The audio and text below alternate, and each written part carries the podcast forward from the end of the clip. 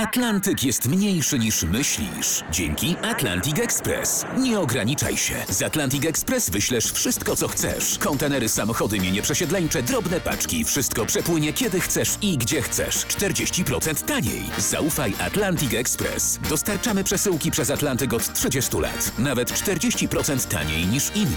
Dzwoń 1 800 775 73 63. Ekspresowo przez Atlantyk. Tylko z Atlantic Express. Dzień dobry, cześć. Z tej strony Beata Kustra i witam Was w kolejnym odcinku podcastu W zgodzie z naturą. Oszczędzanie wody, segregacja śmieci, rezygnacja z plastikowych opakowań. Czy możemy zrobić coś jeszcze dla środowiska? Oczywiście. Przekonaj się, jak niewiele potrzeba, aby nasze życie było zgodne z naturą. Już małe zmiany domowych nawyków mają znaczenie. W każdym odcinku tego podcastu usłyszysz, co możemy zrobić, by pomóc środowisku, a jednocześnie żyć zdrowiej i bardziej świadomie. Daj się zainspirować do ekozmian w codziennym życiu razem ze Szkołą Główną Gospodarstwa Wiejskiego. Moim dzisiejszym gościem jest doktor habilitowana inżynier Renata Giedych, adiunkt w Katedrze Architektury Krajobrazu w Instytucie Inżynierii Środowiska Szkoły Głównej Gospodarstwa Wiejskiego w Warszawie. Dzień dobry pani doktor. Dzień dobry, dzień dobry pani, dzień dobry państwu. Pani doktor, Obecnie w Polsce dosyć dużo się mówi o zieleni w mieście, szczególnie w takim kontekście zabudowy miasta i gospodarowania kolejnych pasów zieleni pod nowe osiedla czy biurowce. Proszę powiedzieć, dlaczego zieleń w mieście jest tak ważna? Jako mieszkańcy miast jesteśmy narażeni na coraz y, więcej niekorzystnych bodźców cywilizacyjnych. Y, zieleń pomaga zmniejszyć ich odczuwanie. Jest to bezpośrednio związane z y, tym, że jesteśmy tak uwarunkowani genetycznie. Y, zgodnie z teorią biofilii, y, człowiek na etapie ewolucji został tak uwarunkowany, aby pozytywnie reagować na otaczającą przyrodę. Muszę powiedzieć, że parki, ogrody, ogólnie zieleń w miastach jest taką namiastką natury. Y, zieleń wpływa korzystnie y, nie tylko na nas, ale także pozwala na podtrzymywanie naturalnych procesów przyrodniczych w mieście. Y, jest to związane chociażby z procesami hydrologicznymi, klimatycznymi czy geodynamicznymi. Ma także znaczenie duże społeczne. Tereny zieleni stanowią miejsce wypoczynku, integracji społecznej, ale zieleń ma również duże znaczenie estetyczne. Stąd też ta jej wielofunkcyjność jest e, powodem, dla którego no jest ona nam niezbędna do życia.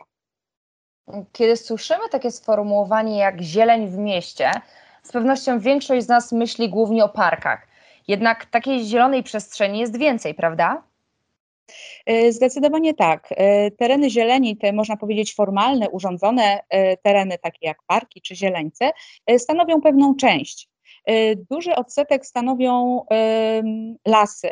E, chociażby jeżeli popatrzymy sobie na strukturę użytkowania gruntów największych miast w Polsce, e, to widzimy, że one nierzadko w granicach administracyjnych zajmują dosyć dużą powierzchnię. Na przykład w Katowicach jest to ponad 40%, w Warszawie jest to ponad 15% zajmują tereny lasów i zadrzewień ale to również są tak zwane e, tereny e, użytkowane rolniczo, tak? Były e, użytki rolne, które są ugorowane, odłogowane, czekają jakby na zagospodarowanie, czyli wszystkie tereny, które są pokryte roślinnością, ale również ogrody przydomowe, ogrody osiedlowe czy zieleń uliczna.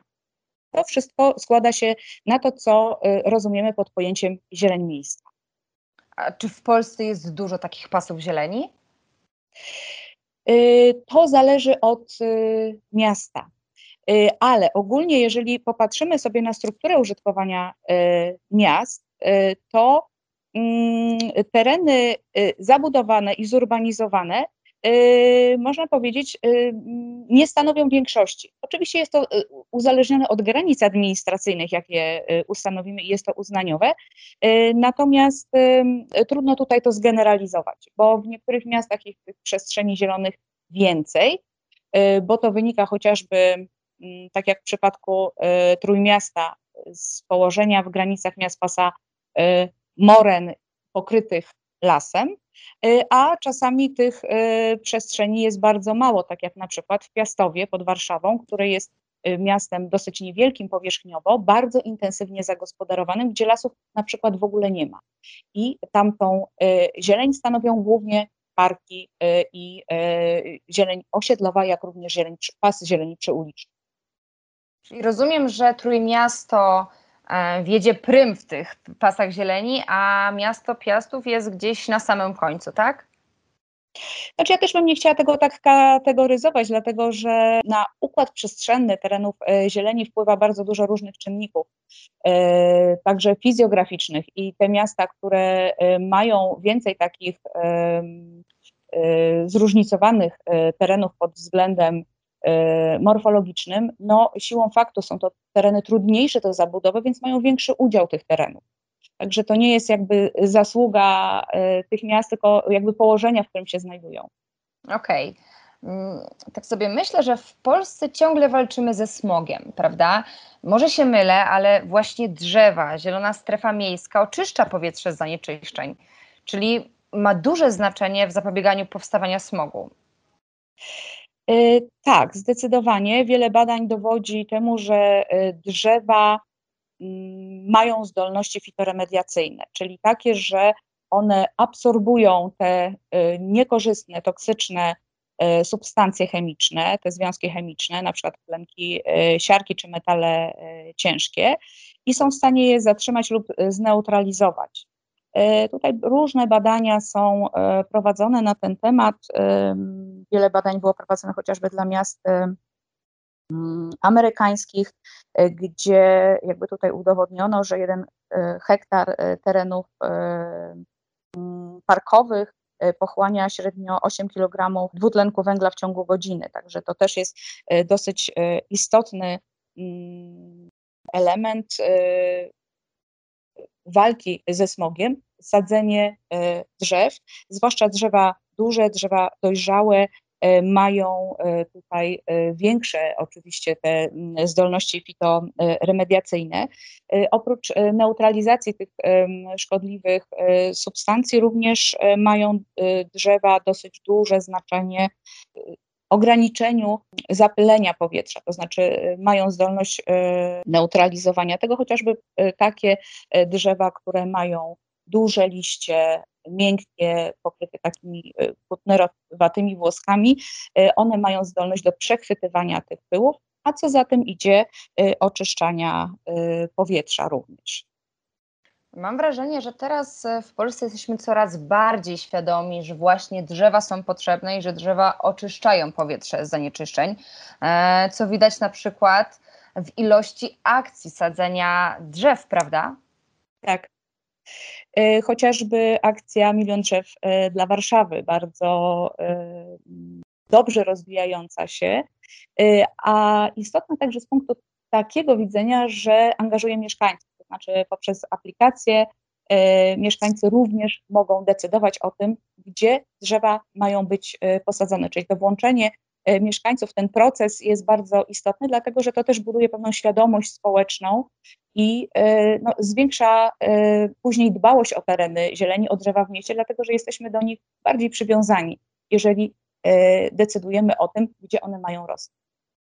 Tak jak rozumiem, e, mieszkańcy Warszawy mogą przez aplikację wybrać miejsce, tak, w którym tak. powinni posadzić drzewa. Wcześniej, powiem szczerze, nie słyszałam o tej aplikacji. Słyszałam oczywiście o akcji, ale nie wiedziałam też do końca, jakie są zasady e, właśnie sadzenia drzew.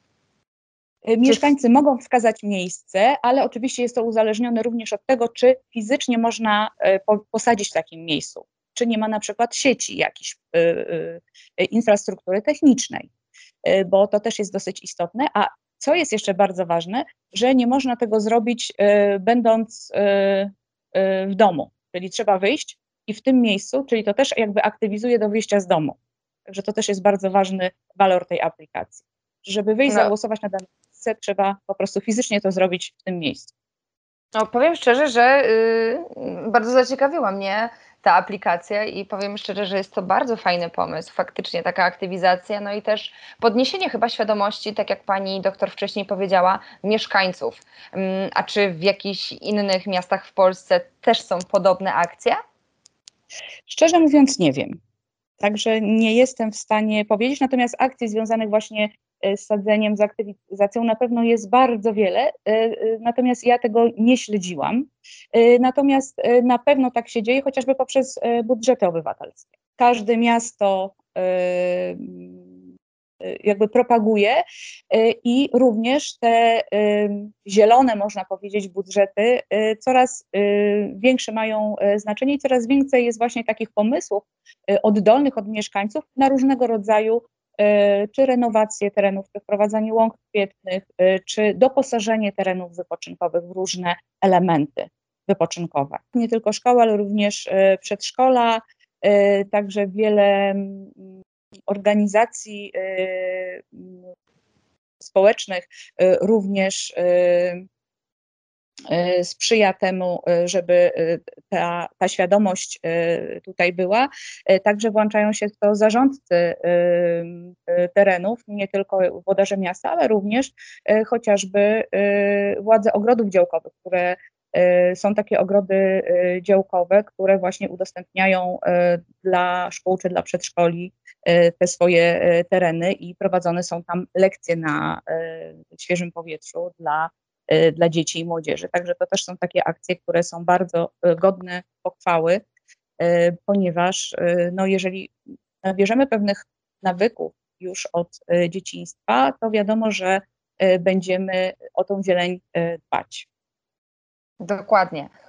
Mówimy o smogu, mówimy właśnie o oczyszczaniu powietrza, a proszę powiedzieć, czy zieleń jeszcze w jakiś sposób wpływa na jakość naszego życia w mieście? Y, zdecydowanie tak, y, bo chociażby poprzez łagodzenie miejskich wyspy ciepła, czyli obniżanie y, temperatury. W miastach mamy bardzo duży udział takich powierzchni, które absorbują ciepło. Przede wszystkim są to nawierzchnie ulic, dachy budynków. One są zazwyczaj ciemne, więc bardzo dużo pochładniają tych e, promieni mm, słonecznych, oddają to ciepło. W związku z powyższym e, różnica temperatury na przykład w Warszawie pomiędzy Śródmieściem a tymi obszarami, które są zlokalizowane peryferyjnie, to jest nawet do 8 stopni, także to jest dosyć dużo. Czyli drzewa po prostu transpirują, obniżają tą temperaturę, czyli one działają, można powiedzieć, jak takie naturalne klimatyzatory. Drzewa również redukują hałas, zmniejszają prędkość e, wiatru, także e, tych e, dobroczynnych skutków działania zieleni jest zdecydowanie, zdecydowanie dużo, ponieważ one pomagają właśnie regulować warunki mikroklimatyczne i po prostu ten, co my odczuwamy, jest to, co my odczuwamy, jeśli chodzi o Y, te niekorzystne na przykład y, temperatury, których mamy coraz y, częściej właśnie, bo klimat nam się zmienia, ta dobroczynność działania cienia, chociażby to, że w parku ta temperatura jest o kilka stopni niższa, czy chociażby obniżanie temperatury nawierzchni asfaltowej poprzez drzewa sadzone wzdłuż jezdni, to są wszystko takie działania, które no, wpływają na poprawienie tego komfortu Y, życia w mieście. Wydaje mi się, że też wiele osób relaksuje się w parkach, relaksuje się na łąkach, spędza czas na zabawach z rodziną chociażby.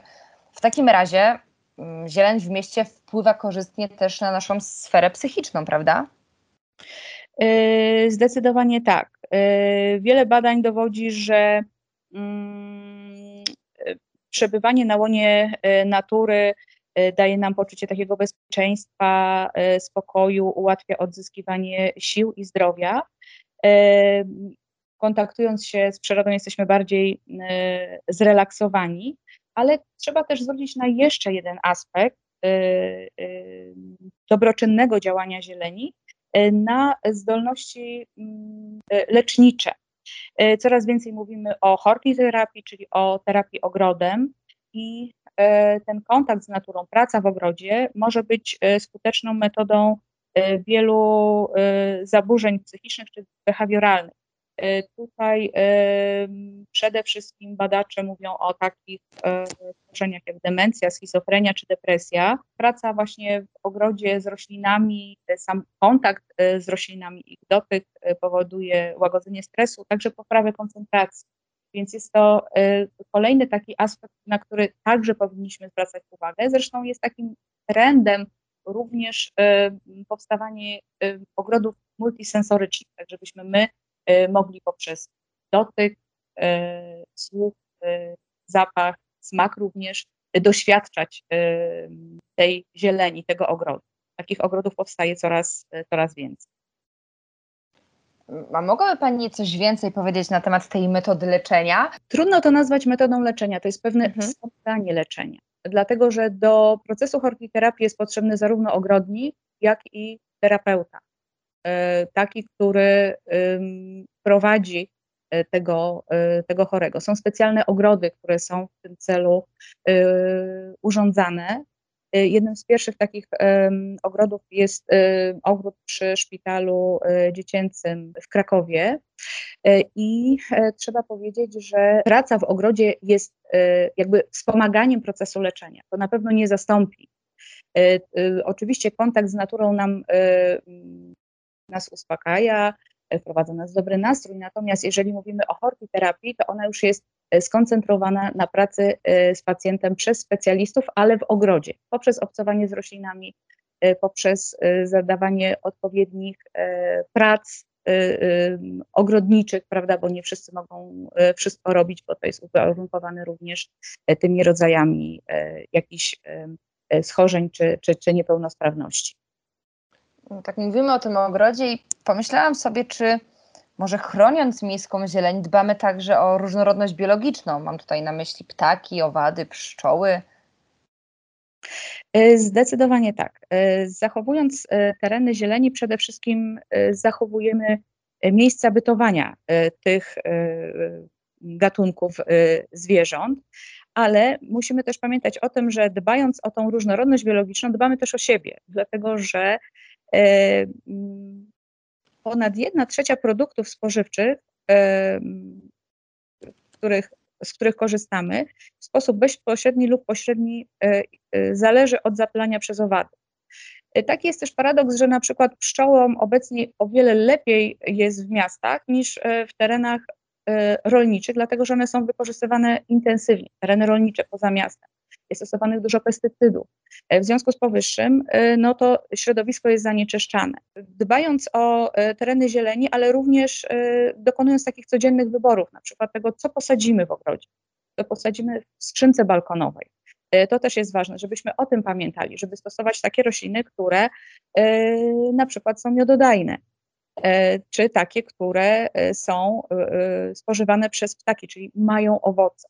E, to jest wszystko bardzo e, istotny mm, e, element, że mm, powinniśmy także zastanowić się nad tym, w jaki sposób pielęgnujemy tą zieleń, żeby wszystkiego nie kosić, żeby zostawiać miejsca na zimę dla schronienia. Tak? Obserwujemy coraz więcej takich elementów gdzieś w przestrzeni publicznej czy prywatnej, jakim są hotele dla owadów, ale wystarczą właśnie również jakaś sterta gałęzi, czy to, że nie będziemy wszystkiego wygrabiać, y, tam, żeby te owady mogły przezimować y, i mogły później w przyszłym roku y, również cieszyć nas swoją, swoim pięknem, tak jak motyle, lub właśnie być dla nas pożyteczne, jak chociażby te wszystkie zapylacze. Wiemy już, że powinniśmy dbać o tereny zieleni. A może nam pani doktor powiedzieć, jak powinniśmy kształtować przestrzeń miejską? E, tutaj powinniśmy na to spojrzeć wieloaspektowo, to znaczy od e, projektowania całej struktury miasta, aż do e, właśnie tych elementów zagospodarowania terenu. Czyli patrząc też na to, czy te korzyści y, y, powinny być dla użytkownika czy dla przyrody, a najlepiej, żeby było i dla jednego, i dla drugiego. Z punktu widzenia funkcjonowania przyrodniczego, żeby te procesy przyrodnicze zachodziły w sposób y, niezaburzony, dobrze jest sprojektować układy pewne ciągłe. Nie zawsze to jest fizycznie możliwe. Ważne jest, aby także mieszkańcy mieli dostęp przyjmuje się w wielu krajach e, taki optymalny e, standard dostępności 500 metrów od miejsca zamieszkania, mm, żeby tereny wypoczynkowe, tereny zieleni w takiej odległości maksymalnej były od, od miejsca zamieszkania. To jest istotne z punktu widzenia codziennego wypoczynku, właśnie możliwości kontaktu, obcowania z przyrodą. W wielu miastach również określa się pewne standardy powierzchniowe, kiedyś one obowiązywały obligatoryjnie, w chwili obecnej one są wyrażane w politykach różnych przestrzennych miasta. Mm, czyli ten udział e, terenów zieleni na jednego e, mieszkańca.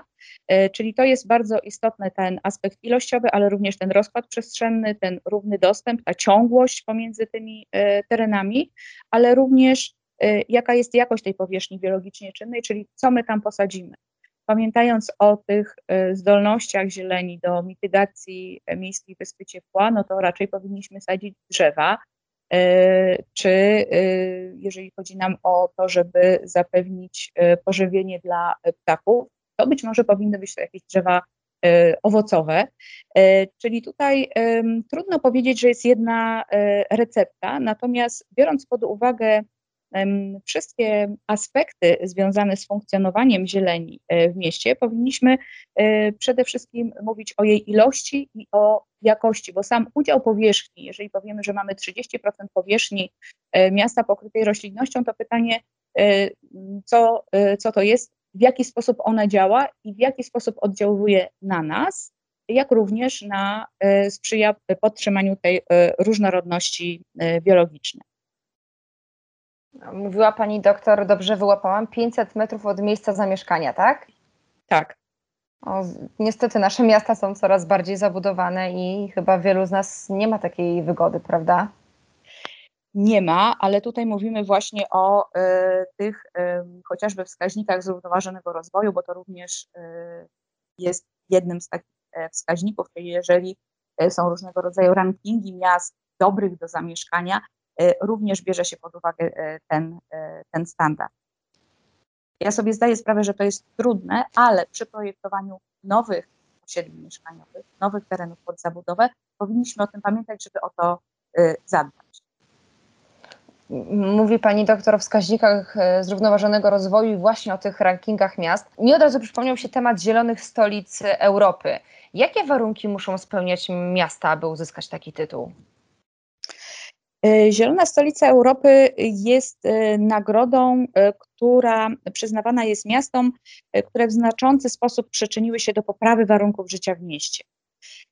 Poprzez stosowanie różnego rodzaju rozwiązań przyjaznych środowisku, czyli to nie jest tylko i wyłącznie rozwój terenów zieleni, aczkolwiek również jest to brane pod uwagę, ale to jest na przykład wdrożenie mm, rozwiązań E, związanych ze zrównoważonym transportem, ograniczeniem e, czy redukcja zanieczyszczeń, również zrównoważona mobilność, współpraca i partnerstwo pomiędzy władzami miasta, przedsiębiorstwami i mieszkańcami na rzecz poprawy warunków życia w mieście, czy wreszcie takie zintegrowane podejście do zarządzania miastami, czyli wszelkiego rodzaju rozwiązania E, prośrodowiskowe są tutaj akcentowane i nagradzane są te miasta, które można powiedzieć e, poczyniły znaczący e, rozwój w tych sferach. A czy któreś polskie miasto może się poszczycić takim tytułem?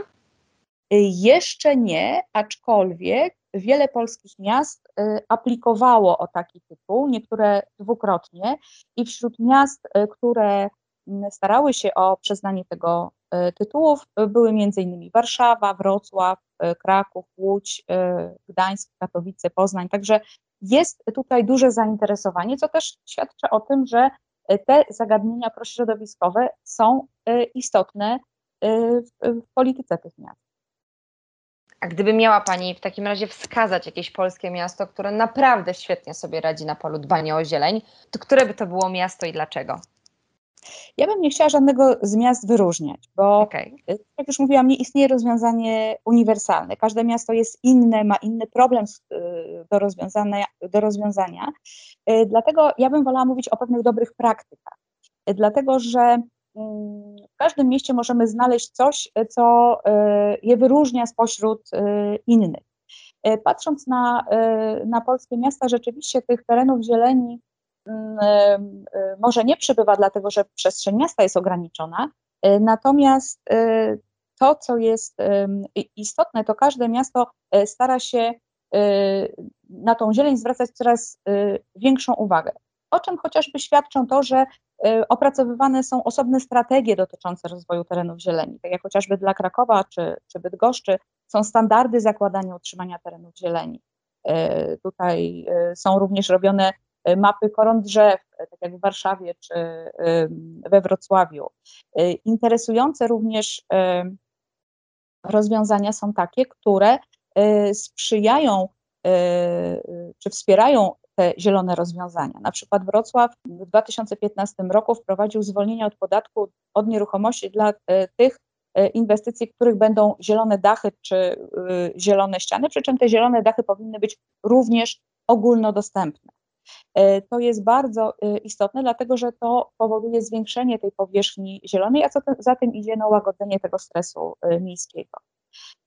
Inne działania, na przykład zachowanie terenów cennych przyrodniczo, ale takich lokalnie cennych przyrodniczo, czyli moglibyśmy powiedzieć takich terenów spontanicznej zieleni.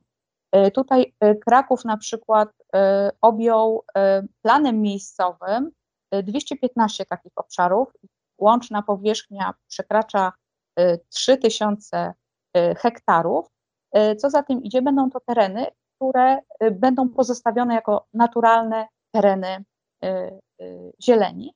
I one też w przyszłości mogą się przyczynić do utrzymania tego wskaźnika, tego standardu dostępności, co też jest bardzo, bardzo istotne. Także tych działań jest bardzo, bardzo wiele, od działań takich można powiedzieć o znaczeniu strategicznym, do takich działań aktywizujących mieszkańców, jak chociażby ta aplikacja, o której mówiłyśmy na początku.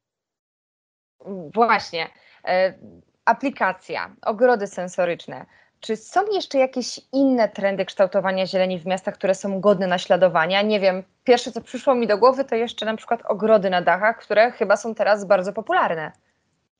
Ogrody na dachach są bardzo popularne, ale także wprowadzanie ogrodów wertykalnych, czyli na elewacjach. Wprowadzane są zielone e, torowiska. E, można powiedzieć, że to nie jest e, tylko moda, ale i mm, konieczność. Wprowadzanie takich rozwiązań też jest wspierane przez różnego rodzaju polityki i programy międzynarodowe, jak chociażby mm, strategia zielonej infrastruktury Unii Europejskiej, czy Europejski Zielony Ład, który jest obecnie dyskutowany w, w kontekście zmian w polityce energetycznej, ale również jednym z jego działań jest na przykład ekologizacja miast, czyli zwiększenie tej różnorodności biologicznej. Ważne jest tutaj stosowanie różnego rodzaju rozwiązań opartych na naturze jako alternatywy dla rozwiązań konwencjonalnych, na przykład przy gospodarowaniu wodami opadowymi, w tych zrównoważonych systemach drenażu coraz częściej wykorzystuje się tak zwane ogrody deszczowe, ale bardzo też interesującym rozwiązaniem są dachy bagienne. I w Polsce pierwszy taki obiekt w tamtym roku został otwarty w Markach pod Warszawą, Centrum Sportu i Rekreacji. I przede wszystkim jest to dach taki, którego zadaniem jest właśnie retencjonowanie wody. Takim trendem, który teraz jest coraz, można powiedzieć, bardziej nośny, bardziej modny, jest rolnictwo miejskie, gdzie mamy różnego rodzaju inicjatywy, zarówno spontaniczne, gdzie tą żywność produkujemy w mieście, ale do rozwiązań takich komercyjnych. Ale właśnie zachowanie terenów upraw pozwala nam y, zachować ten y, kapitał, jakim jest y, gleba i jej wartość, a co za tym idzie, również zachować te tereny pokryte, pokryte roślinnością. Te mm, różnego rodzaju aktywności związane z rolnictwem miejskim, one najczęściej przejawiają się w różnego rodzaju ogrodach społecznościowych, ale również to są ogrody działkowe, które są tak y, troszeczkę po macoszemu traktowane i niedoceniane, a można powiedzieć, że w całej Europie jest renesans ogrodów działkowych y, i to ich znaczenie społeczne przede wszystkim jest tutaj podkreślane. Pani doktor, mówiliśmy o inicjatywach społecznych, o wspaniałych akcjach poszczególnych miast. A może Pani jeszcze na koniec powiedzieć, jak każdy z nas może zadbać o zieleń w swoim mieście? Y, Możemy dbać y, na wiele y, płaszczyznach, zaczynając od własnego ogrodu czy balkonu. Powinniśmy myśleć o przyrodzie całościowo i kompleksowo, dlatego że nasze drobne wybory też mogą wpływać na funkcjonowanie całej przyrody. Czyli ograniczmy powierzchnię zabetonowaną, stosujmy gatunki, które są odporne na suszę, żeby chociażby ograniczyć podlewanie, zużycie wody.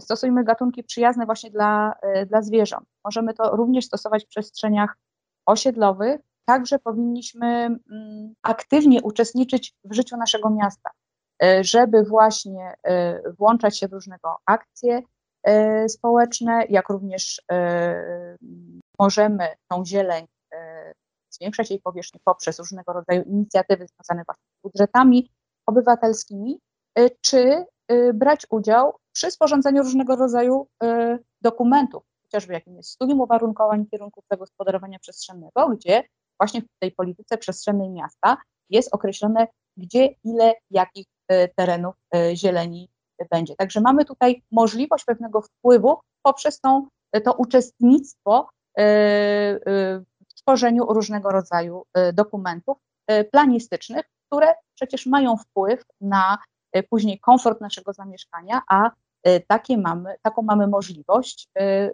zagwarantowaną y, przez y, prawo i powinniśmy z tej możliwości korzystać, no, chcąc być świadomymi obywatelami, którzy będą kształtowali y, własne y, otoczenie.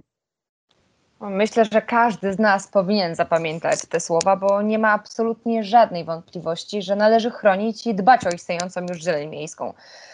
Pani doktor, bardzo dziękuję za naszą dzisiejszą rozmowę. Dziękuję serdecznie.